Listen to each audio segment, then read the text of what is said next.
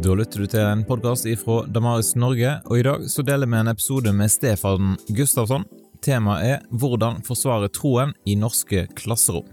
Dette foredraget ble holdt i august 2023 på en personalsamling for ansatte ved Tryggheim skole. Og Vi deler seminaret opp i to episoder her i podkasten. Dette er del én.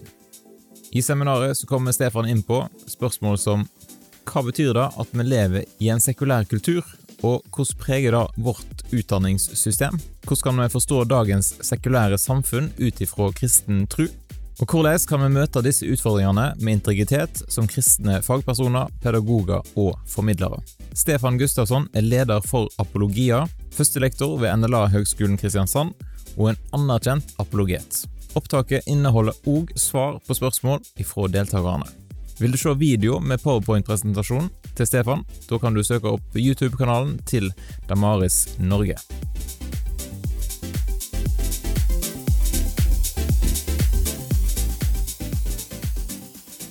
Tack så mycket.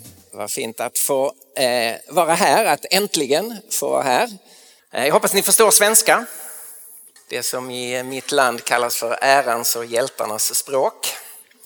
Eh, vi får väl hjälpa varandra om eh, jag, om jag uttrycker mig obegripligt så får ni stoppa mig, avbryta mig och så får vi hjälpas åt med kommunikationen. Vi ska tala om hur försvara tron i norska klassrum. Och då kan man ju säga så här att den första delen, hur försvara tron, det har jag en del erfarenhet av. När det gäller den andra delen, i norska klassrum, så är ju jag amatör och det är ni som är experterna. Så här får vi också hjälpas åt. Jag har ju en del erfarenhet av norska klassrum. Eh, jag eh, eh, arbetar som ni hörde på NLA Gimlekollen så jag är regelbundet här i Norge och möter studenter och jag är med en del i lagsammanhang på Skepsisuke och annat. Så jag har en viss kontakt med, med norska klassrum, men inte alls på det sättet som, eh, som ni har. Så som sagt, vi får hjälpas åt. Vi ska lägga upp det så här, jag har eh, två, två delar. Efter varje del så ska ni få chans att reagera i lite mindre grupper och så finns det en möjlighet att eh, ställa frågor eller komma med invändningar. Då vet ni eh, upplägget. Om vi börjar med frågan om att försvara tron, det som vi kallar för apologetik. Låt mig börja med det och vi försöker reda ut några viktiga saker kring det innan vi tar oss in i mer i klassrummet. Vad är trosförsvar? Vad är apologetik? Själva ordet går tillbaka till ett grekiskt ord, apologia, det som är namnet på den organisation jag jobbar för i Sverige. Det grekiska ordet finns 18 gånger i Nya Testamentet. Fast det översätts aldrig apologetik. Eh, utan det ordet det betyder att försvara eller att svara för någonting. Så Paulus använder det när han är anklagad av det judiska ledarskapet i eh, Eh, Jerusalem. Lyssna nu på vad jag har att säga till mitt försvar. Där står det apologia. Eller i Apostlagärningarna 26 när Paulus står inför Festus och kung Agrippa och, och kungens syster Bernice så får ju Paulus en chans att försvara sig. Då lyfte Paulus handen och började tala till sitt försvar. Där står det apologia. Paulus blev kritiserad av församlingen i Korint. Det fanns grupperingar som hade en massa kritiska synpunkter på Paulus och de hade nått fram till honom. Och I sitt eh, första brev till korintierna så säger han, detta är mitt svar till de som kritiserar mig. Det mest kända ordet eller eh, versen som använder apologetik eller använder apologia, det är första Petrusbrevet 3 och 15. Där står det så här.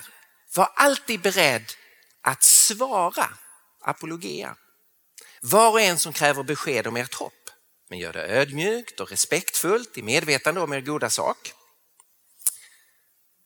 Det är ett brev som är riktat, inte bara till församlingsledare, utan till församlingarna, till de kristna.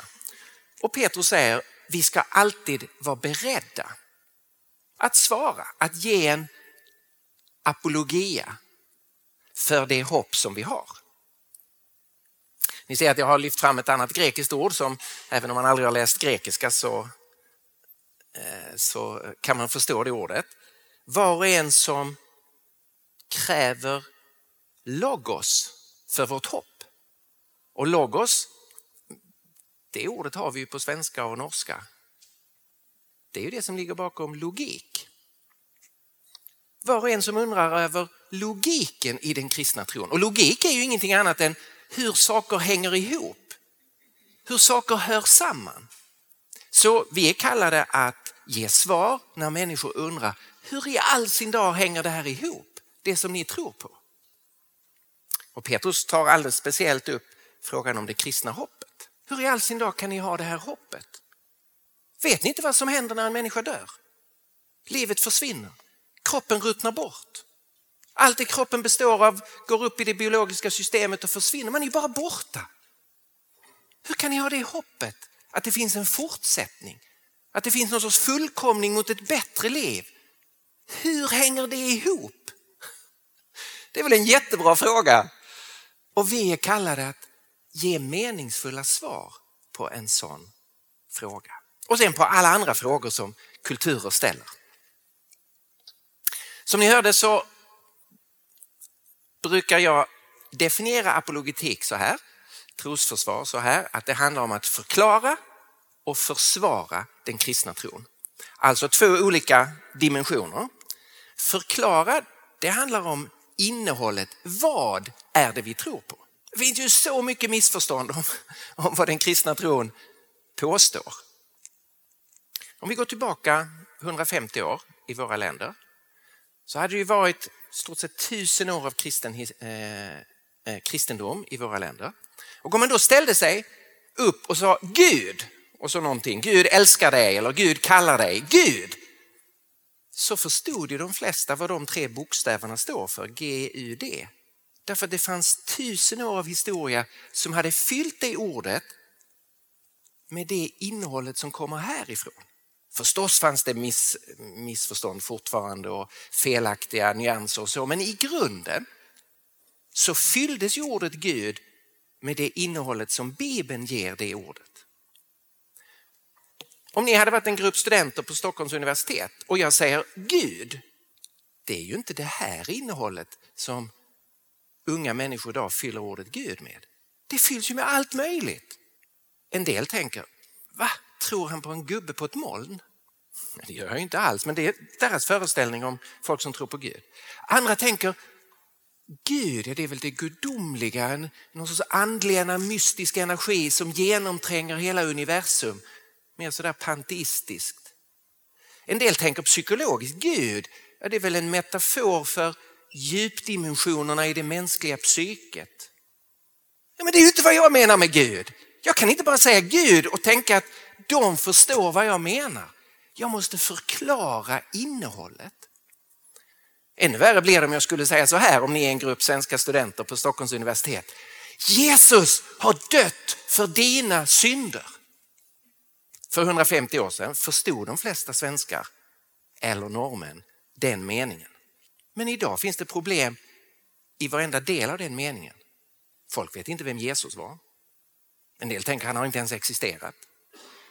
Synder, det begreppet är helt förlorat. Och för en del, åtminstone i Sverige, så har det fått en positiv klang. Någonting kan vara syndigt gott om en dessert. En kvinna kan vara syndigt läcker. Okej, okay. så det har en positiv klang. Det har det ju inte för mig. Dog för?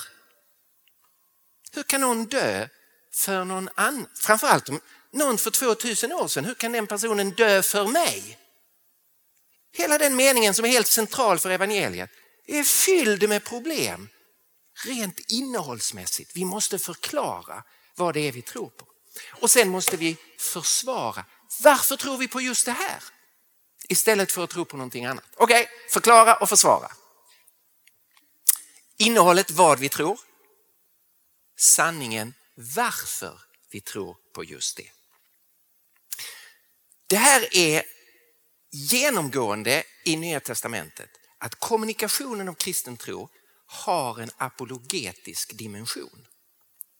Man kan studera Jesus kommunikation, Petrus kommunikation, Paulus kommunikation och det är konsekvent att det finns en apologetisk dimension. Det är inte den enda dimensionen, det finns många andra i deras kommunikation. Men det är faktiskt en konsekvent dimension. Och jag har försökt visar visa det i min bok Behöver tron försvaras? Där jag just går igenom hela Nya Testamentet. Men låt mig ge eh, ett par exempel. Apostlagärningarna 17 är ju alla apologeters favoritkapitel. Det är ju där Paulus håller sitt tal i Aten. Men i början av det kapitlet så är Paulus i Thessalonike. Och jag läser här från NIV, den mest spridda engelska översättningen som ligger lite närmre eh, den grekiska texten. Där står det så här. Paul went into the synagogue and on three Sabbath days he reasoned with them from the scriptures, explaining and proving. Låter nästan som apologetik, förklara och försvara. Explaining and proving that the Messiah had to suffer and rise from the dead. This Jesus I'm proclaiming to you is the Messiah, he said. Some of the Jews were persuaded and joined Paul and Silas, as did a large number of God-fearing Greeks and quite a few prominent women. Så fantastiskt framgångsrik. Tre sabbater i rad. Paulus får presentera evangeliet. Många människor kommer till tro. Lukas är ju den som återger det här. Och när han ska beskriva vad Paulus gör så använder han fem verb. Om jag tar bort all annan text så ser ni verben. Han resonerade, han förklarade och bevisade, eller visade hur det hängde ihop. Och sen proklamerade han det han hade resonerat kring, förklarat och bevisat. Och det ledde till övertygelse. Människor blev övertygade om att det är sant. Och så startar församlingen i Thessaloniki. Vi kunde ha fortsatt att titta på många ställen, eh, men eh, jag stannar där. Bara för att ha sagt någonting om den bibliska grunden för apologetik. Varför ska vi syssla med det? Varför är det här viktigt? Det här har varit viktigt i alla tider skulle jag hävda, men det är alldeles specifikt viktigt i vår tid. Låt mig kort säga någonting om det. Det finns någonting som heter World Value Survey där man regelbundet undersöker eh, världens olika kulturer utifrån värderingssystem. Och eh, ett Ett sätt som man har satt upp det här i den här undersökningen det är att man har två axlar, nu har ni lite svårt att läsa för det är lite, liten text, men man tittar på kulturer utifrån den lodräta axeln om en kultur är traditionell och det betyder alltid religiös för alla kulturer är traditionellt religiösa.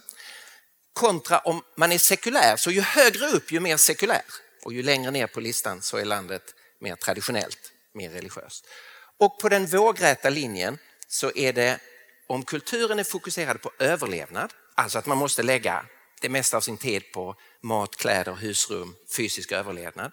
Eller om kulturen i grunden har löst de frågorna och är fokuserad på självförverkligande.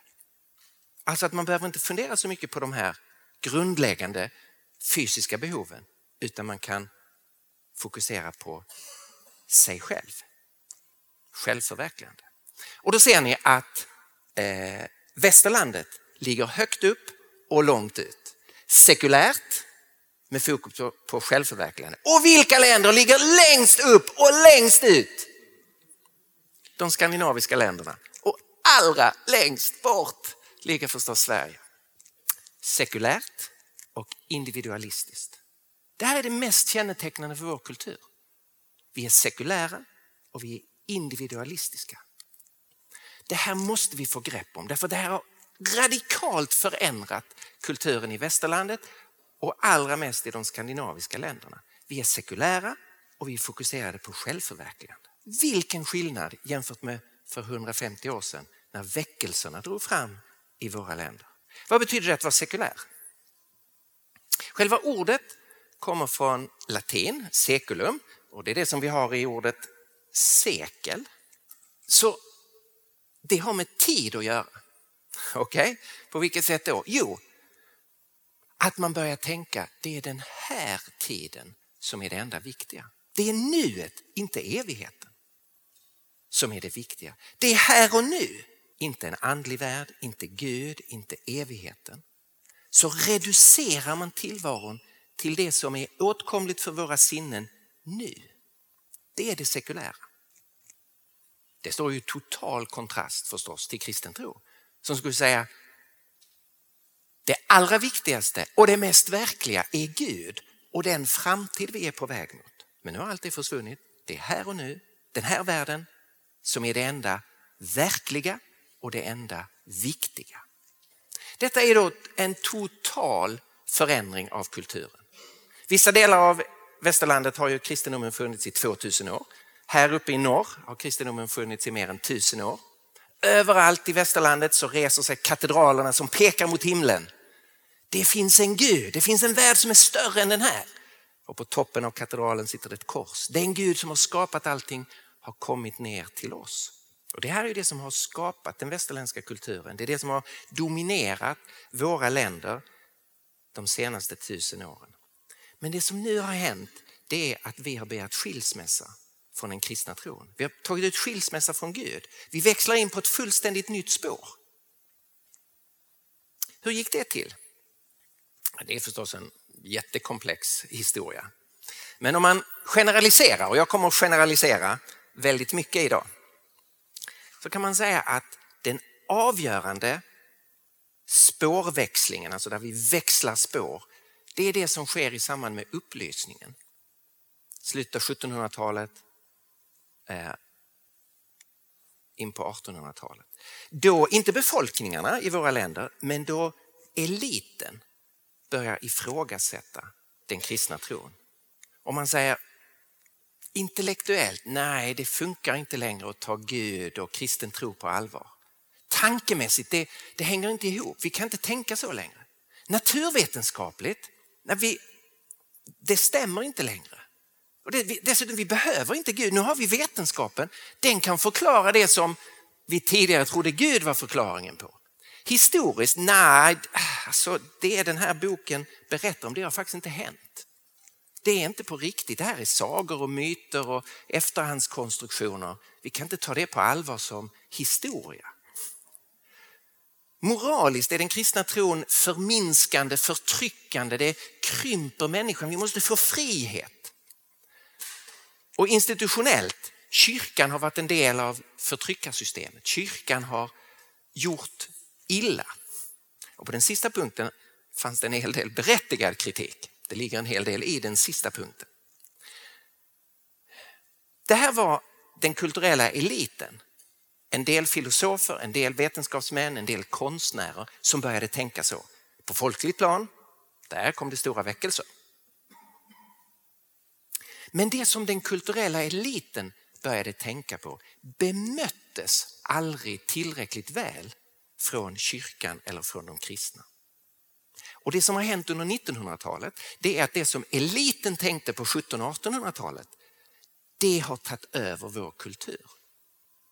Och Det skulle man kunna titta mycket på, eh, hur det gick till. Det finns eh, en eh, mängd olika liksom, eh, anledningar till det. Sociologiskt med urbaniseringen, inflyttningen till städerna där vi inte som kyrka tog det på allvar och började plantera nya församlingar efterhand som befolkningarna växte. Och folk tappade helt enkelt tron i den flytten från landet till staden. Politiskt, så, åtminstone i Sverige, så har Socialdemokraterna en eh, ansvar för en hel del av sekulariseringen där man medvetet ville att Sverige skulle bli ett sekulariserat land. Jag vet för lite om den eh, norska politiska historien för att säga någonting.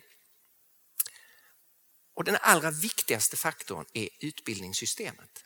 Där det som eliten tänkte på 1700-talet blev en del av undervisningsmaterialet och har, eh, eh, och har presenterats som fakta för eh, den unga generationen.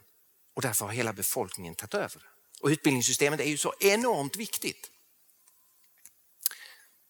bara någon generation tillbaka, min pappa i hans generation, då var det ju det naturliga att man gick sex år i folkskola. Och varje dag fanns den kristna tron i eh, skolan. Man började dagen med en psalm och en, en bön. Eh, man studerade Bibeln och kyrkans historia. Och... Så, sex år. Kristen tro fanns i klassrummet varje dag. Nu så är man i skolsystemet mellan 15 och 20 år. Över 50 procent i alla fall i Sverige i den unga generationen läser vidare på högskola och universitet. Så mellan 15 och 20 år är man i utbildningssystemet. Och varje dag presenteras det sekulära perspektivet. Här har ni ju förstås en, en, en fantastisk möjlighet som en kristen friskola att utgöra ett alternativ. Men om jag talar, inte minst för svensk eh, sida, om det allmänna skolsystemet. Det här är inte bara min eh, eh uppfattning, det har gjorts Eh, kom en doktorsavhandling för ett par år sedan i Sverige där en forskare hade gjort empiriska studier i klassrum i Sverige. Och där hennes slutsats är så här. Vad är det som pågår när det gäller kristen tro i klassrummet? Att, att artikulera, formulera en icke-religiös eller ateistisk position, både bland lärare och elever, var oerhört mycket vanligare än att i klassrummet uttrycka en religiös position. Så ateismen är det självklara att uttrycka.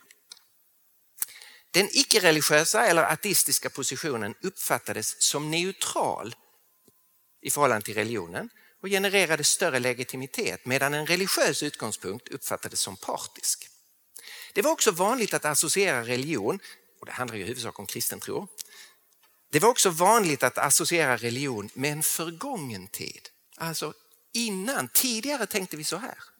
Eller mindre utvecklade samhällen som möjligtvis fyllt en funktion tidigare under historien men nu tack vare upplysning och vetenskap spelat ut sin roll.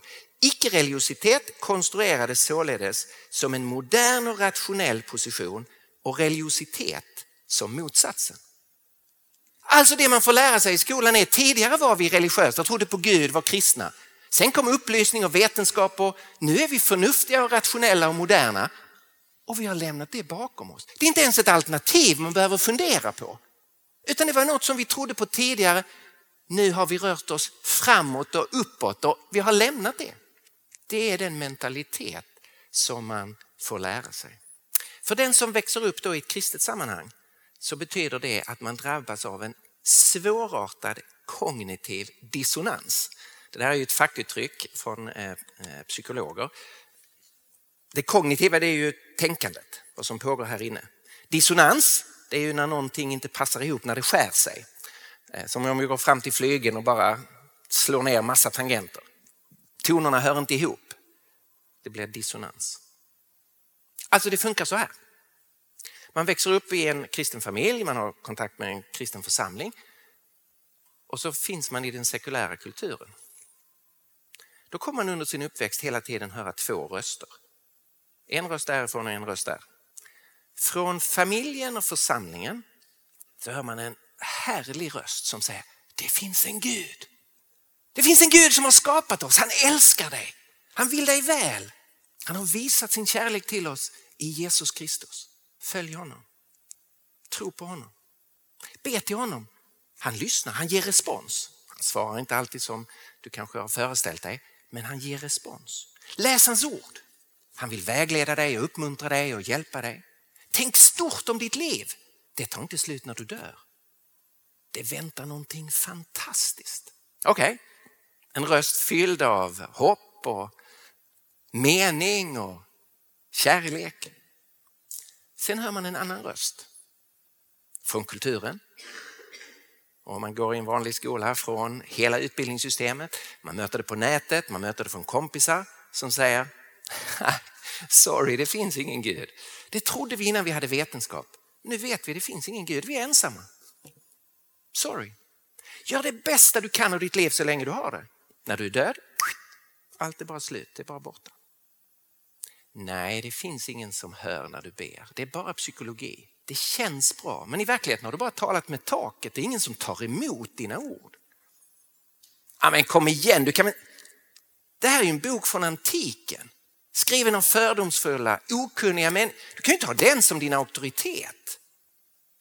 Förstår ni vad det innebär att växa upp med den rösten och den rösten? Alltså det blir som att du står med en fot i en båt och den andra foten i en annan båt. Det kan man göra en liten stund. Förr eller senare så glider de ju isär. Och om jag fortsätter här så får jag ju dissonans i skrevet.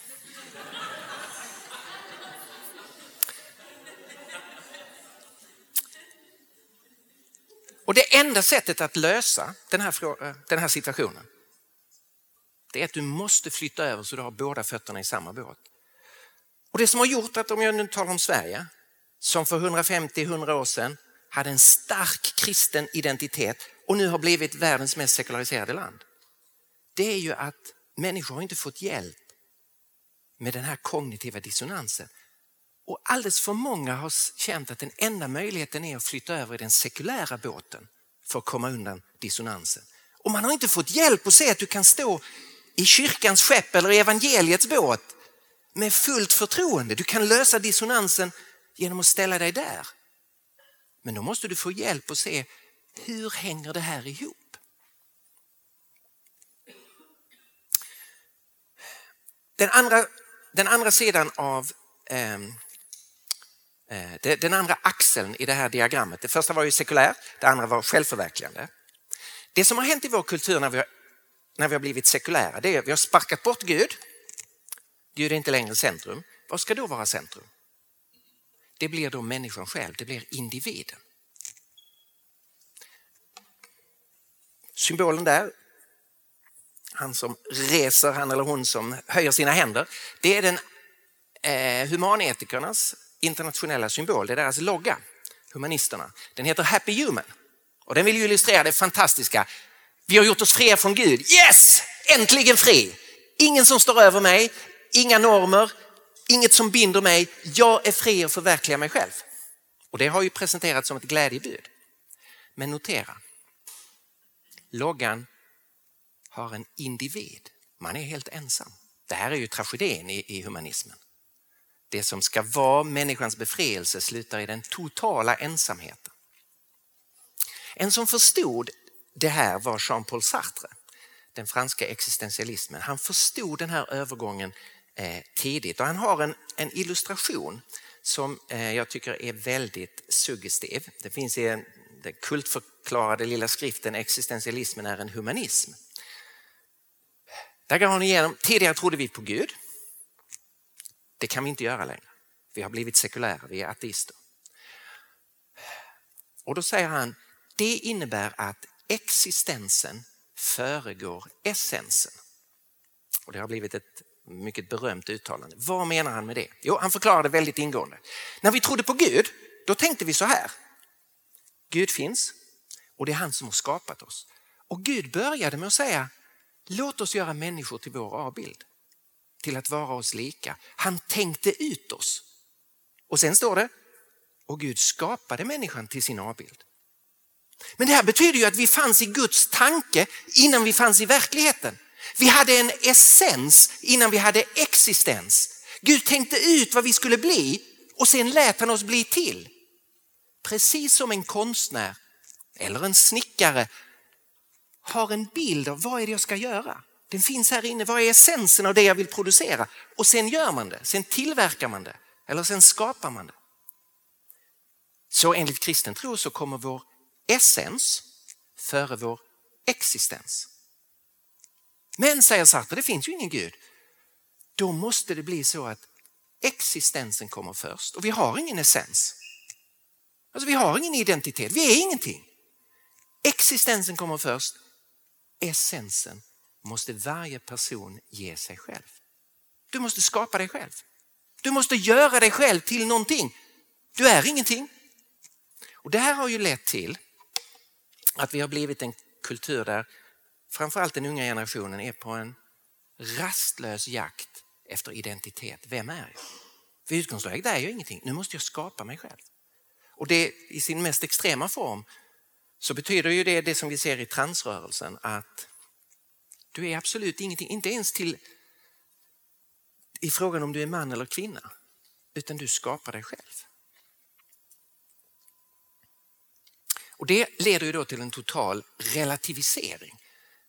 Individen i centrum och det leder till att subjektiviteten, subjektet, blir allenarådande. Och här krockar ju då vår kultur totalt med den kristna tron. Kristen tro är ju inte sekulär utan har Gud som utgångspunkten och sätter ju inte subjektiviteten i centrum utan säger att det finns en objektiv verklighet. Och vi som kristna är ju helt överens med det som Aristoteles säger om sanningen. Och här är den klassiska definitionen av sanning.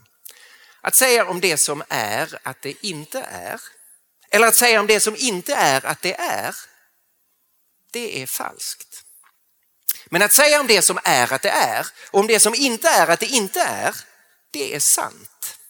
Så att den som säger om något att det är eller att det inte är kommer antingen att tala sant eller falskt. Alltså, det här är ju en filosofs sätt att, att säga någonting väldigt självklart. Sanning är överensstämmelse med verkligheten. Det finns en objektiv verklighet och vår kallelse är att formulera, uttrycka någonting som överensstämmer med hur det är. Vi är alltså inte fria att skapa vår verklighet utan vi ska utforska verkligheten, inte skapa den. Men vår kultur rör sig nu allt mer i riktning av att vi skapar vår egen verklighet. Vilket ju för ett samhälle sen i förlängningen blir totalt kaos. Okej, okay, jag stoppar här. Får ni fem minuter, hitta några trevliga människor i din närhet. Hoppas det är enkelt. Och, och reagera på det här. Eh, vad tänker ni? Vad vill ni invända och ställa frågor kring? Eh, och så tar vi en, en, en frågestund efter det. Kom igen. Okej, okay. där hade det gått fem minuter. Och det var ju härligt att höra Eh, att det var så mycket samtal. Nu vet jag inte vad ni pratade om, men eh, eh, härligt. Jag försökte säga någonting om vad är apologetik och sen försökte jag motivera varför måste vi syssla med trosförsvar. Och den andra delen som jag jobbade med här det var ju att försöka visa på behovet alldeles specifikt i vår kultur av att jobba med de här frågorna. Så, frågor, invändningar, reaktioner. Vad tänker ni om detta? Mm?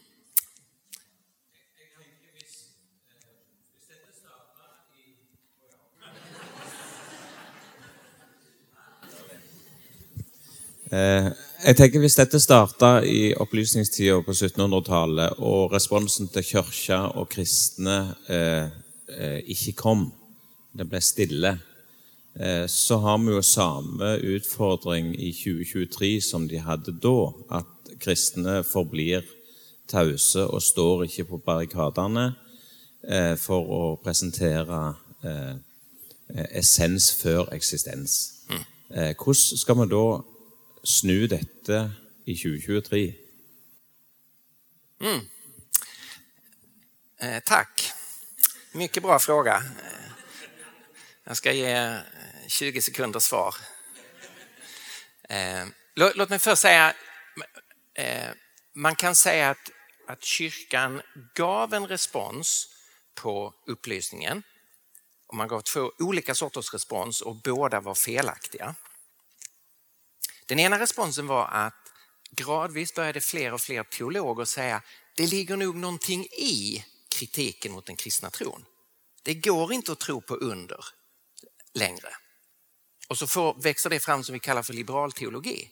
Där man säger Ah, Jesus föddes kanske inte av en... Det är klart Josef och Maria hade sex. Det där berättelsen om jungfrufödelse det är bara ett sätt att försöka säga det är något speciellt med Jesus. Men, men i verkligheten det var ju inte, hon var ju inte jungfru.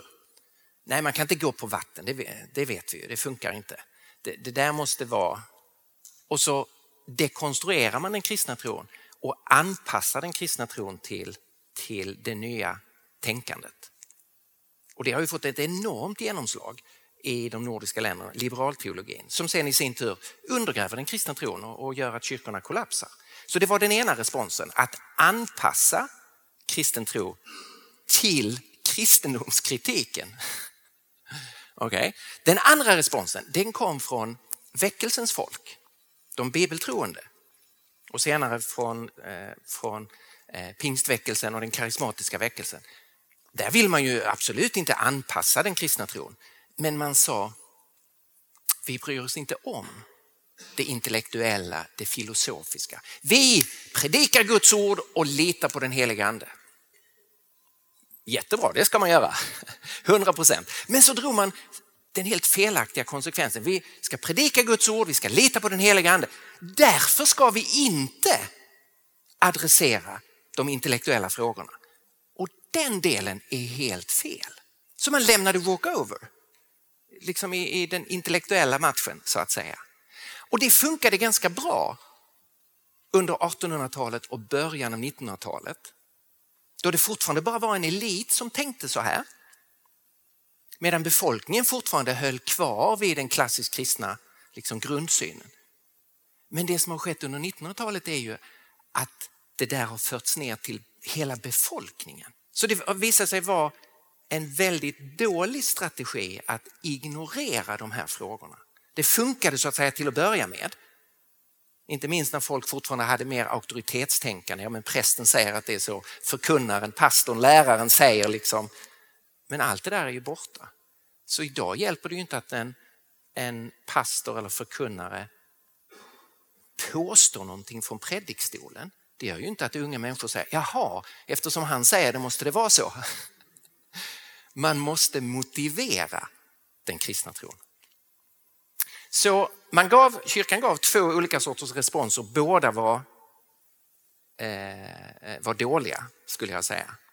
Och det, det, som då blir svaret på din fråga det är att vi måste få tillbaka eh, trosförsvaret, apologetiken. Det måste bli en naturlig del av församlingens liv, av eh, trosförmedlingen i söndagsskola, i ungdomsarbete, i överallt så att säga, som en naturlig del av det vi gör som kristna. Och det behöver komma in i, i en kristen skolmiljö. Att man inte bara påstår saker om den kristna tron utan motiverar varför vi tror att det här är sant. Justinus martyren, en av eh, den tidiga kyrkans eh, apologeter, det fanns ju efter apostlarna, så Eh, så kommer det ju en, en generation av kristna ledare som man kallar för apologeterna. Som just försvarade den kristna tron. Som ju blev kritiserad från synagogan och sa en korsfäst Messias, nej det kan inte stämma. Som kritiserades av grekiska filosofer och som kritiserades av den romerska myndigheten. Och då valde de kristna inte att anpassa sitt budskap, inte att ignorera kritiken. Alltså man gjorde inte som kyrkan gjorde på 1700 och 1800-talet utan man besvarade kritiken. Och Justinus martyren är en av de tidiga kända eh, apologeterna. Och han säger i en av sina skrifter, vi tillhör inte dem som bara gör påstående eh, utan att ge bevis. Alltså, vi påstår saker men sen underbygger vi det påståendet och visar varför vi tror att påståendet är sant. Missförstå mig nu inte, det här är inte det enda vi behöver göra. Det är inte så att apologetiken löser alla frågor. Eh, absolut inte. Det finns jättemånga andra dimensioner av församlingens liv till exempel. Av diakoni, av kärleksfull gemenskap, av, av lovsång och förstås förkunnelse av Guds ord. Eh, men apologetiken behöver bli en självklar del av det som församlingen eh, arbetar med. Kommer det att vända snabbt? Nej, det tog lång tid att förstöra vår kultur. Och därför ska man inte förvänta sig att vi väldigt snabbt vänder det. Så det här handlar ju om, som i så mycket kristet arbete, om uthållighet över tid och över generationer. Ja, det var lite mer än 20 sekunder. Detta ger eh, fornya kall till att driva kristen friskole. Få ungdommene eh, sine føtter over i den rette båten. Men eh, Stefan var besøkte Klepp eh, i februari cirka. Och da kom det et veldig godt spørsmål som jeg ble minnet om i forhold til andre setning der. Å si om det som inte är, att det är, det er falskt. Å si om ei som ikke er kvinne, at du är kvinne, det är falskt. Vi hørte fra starten av her at naturvitenskapen førte folket vekk fra kristen tro. Eh, i dag opplever vi at eh, naturvitenskapen har han òg forlatt. Det å tenke at Ja, en har gått over fra naturvitenskap til, til følelser. Hva, hva tenker en at en er? Og det er akseptert. Hvis en taler imot forfatter av Potter altså, En får jo eh, En blir hudfletta. Hva, er det som skjer her, Stefan? Eh, naturvitenskapen vil en fylle vekk fra kristen tro. Men i dag så Nei, naturvitenskap ikke, ikke fasiten heller. Hva, hva, hva skjer? Hela den, här, hela den här trenden att man ifrågasätter eh, själva sanningsbegreppet, den är ju, är ju helt livsfarlig. Eh, all, all utbildning bygger ju på att det finns någonting som är sant. Eh, och, och, ni som lärare jobbar ju förstås med det, att hjälpa elever att förstå hur någonting är. Och det är ju inte upp till var och en i, i matematik. Liksom, svaret för mig är det här. Eh, eller seriöst i naturvetenskapen, ingen liksom sätter sig ju i ett postmodernt byggt flygplan där ingenjörerna bara har liksom, nej men för mig är aerodynamikens lagar, de är så här för mig. Eh, alltså allt som har med utbildning, med forskning eh, kollapsar om man inte tror att någonting är på ett visst sätt. Och i verkligheten så är det samma sak på väldigt många andra områden. Det gäller ju etiken, att det blir fullständigt kaos om det inte finns någonting som är rätt och någonting annat som är, är fel. Självklart finns det massa frågor där man kan diskutera där svaret inte är så självklart eller så enkelt. Men om det inte finns något svar överhuvudtaget så dör ju hela den etiska diskussionen och då till slut så blir ju allt möjligt. Ingen kan säga någonting om någonting. Det gäller ju också relationer, om inte någonting är sant. Hur ska man kunna leva i en familj? Hur ska man kunna leva i en kärleksrelation? Är, är ingenting objektivt sant här mellan oss i vad vi gör mot varandra och hur våra liv ser ut? Är allting bara subjektivt? Då kan jag inte lita på den andra personen. Och här behöver vi hjälpa människor att se att sanning är fullständigt fundamentalt om man försöker ta bort själva sanningsbegreppet att det finns en verklighet som är på ett visst sätt så ödeläggs allt mänskligt liv. Det som sker nu i kulturen det är att man ifrågasätter sanning och sen, på viss, liksom sen plötsligt så hävdar man att någonting är sant. Så att kulturen har blivit helt irrationell. Alltså i grunden rör man sig bort från sanning och tänker att saker och ting är relativa. Men sen är det plötsligt fullständigt fel att göra någonting visst. Att vara rasist eller vara homofob. Det går inte. Nej, men det är relativt. Du får gärna vara homofob. Det är upp till dig. Eller du får gärna vara rasist eller du får gärna... Nej, då plötsligt så finns det någonting man menar är rätt och sant och objektivt och som alla behöver ansluta sig till. Så ingen kan vara relativist fullt ut, det går inte. Då kollapsar allting. Så, och därför får vi den här motsägelsefulla situationen att människor väljer att vara relativister, vara subjektiva och så plötsligt, utan att man själv noterar det, så börjar man hävda att någonting är objektivt. Och där behöver vi ju säga, det finns ett, ett bättre förhållningssätt där man är konsekvent, där man har liksom ett sammanhängande tänkande kring hela tillvaron. Kring naturvetenskap och matematik, eh, kring etik, kring mänskliga relationer, kring hur vi bygger ett samhälle. Att det finns någonting som är sant och gott och rätt. Men det här är ganska svårt. Det tar lång tid att hjälpa människor att liksom få tag på det här. För kraften som liksom pressar människor åt det relativistiska hållet, den är väldigt stark. Men att det är svårt är ingen anledning att ge upp. Det finns alltså inget alternativ eh, än att försöka eh, hjälpa människor att, att upptäcka att någonting måste vara sant. Så vi får hjälpa människor med konkreta exempel. Om du går till läkaren och läkaren säger jag är rädd att du har fått en allvarlig sjukdom. Du kommer att dö om du inte får behandling men det finns en behandling som kan hjälpa dig. Ska man säga, ah, det är din. Det är vad du tycker att jag är dödligt sjuk. Jag tycker att jag är frisk. Ja, det vore ju vansinne. Det finns ju situationer när jag önskar att jag var relativist. Jag vill gå till banken och säga att jag ska ta ut en miljon kronor från det här kontot. Tyvärr, du har bara 10 kronor där. Ja, för dig är det 10 kronor, för mig är det en miljon. Kom inte här och var någon sorts objektiv sanning. Liksom. Det är ju på ett visst sätt, jag har satt in ett visst antal kronor, då kan jag ta ut ett visst antal kronor. Och så är det förstås med Gud. Antingen finns Gud eller finns han inte. Om han inte finns så hjälper det inte att tro på honom, han finns ju inte för det. Och om han finns så försvinner han ju inte genom att jag blir ateist, han finns lika mycket ändå. Då finns han ju objektivt sett och är den som har skapat mig och som hela mitt liv är på väg mot. En dag kommer jag möta Gud. Det måste ju vara så att någonting är objektivt sant. Antingen finns Gud eller finns han inte. Han kan ju inte både finnas och inte finnas samtidigt, eller hur? Okej, okay. vi ska säga två saker. Det första är, just nu är det ni som är elever och jag som är lärare. Och jag säger det därför att mitt nästa påstående är så här.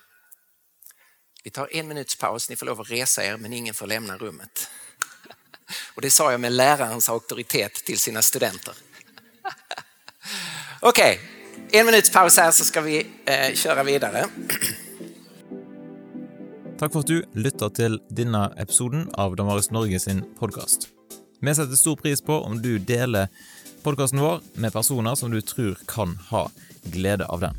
Og Har du lyst til å støtte arbeidet til Damaris, da kan du gå inn på damaris.no, for der finner du informasjon om hvordan du kan være med og bidra til at enda flere apologetiske og gode ressurser kommer ut på nett.